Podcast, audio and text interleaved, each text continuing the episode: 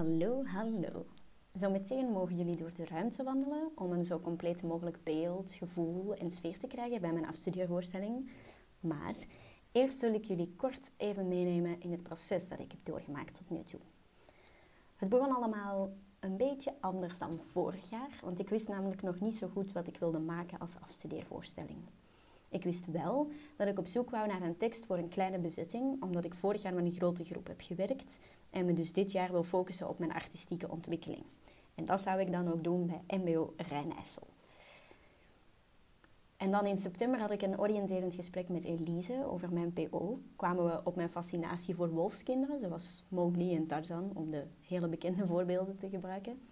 En daardoor vertelde Elise mij over Caspar Hauser. Ook zo'n jongen waarvan ze niet weten waar die is opgegroeid en een beetje wolfskind geïnspireerd.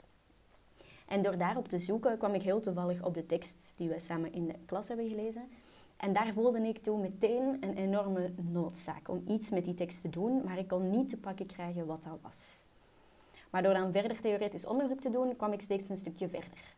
Zoals het eerste wat ik ontdekte, dat ik mijn publiek wil uitnodigen om in een fantasiewereld te duiken en daar niet te veel van te vinden, gewoon te kunnen genieten van alles wat fantasie teweeg kan brengen. En nog wel later ontdekte ik dat dat komt omdat ik het idee heb dat mijn mogelijkheid tot fantaseren mij is ontnomen door corona.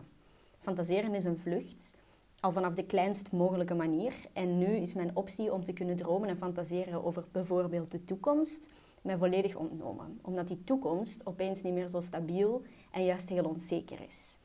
En volgens mij heb ik daarmee het grootste deel van de noodzaak voor mezelf te pakken. Dus dan ging ik aan de slag met het analyseren van de tekst, puzzelen van het concept, tekst herschrijven, een eigen rode draad door het stuk te maken.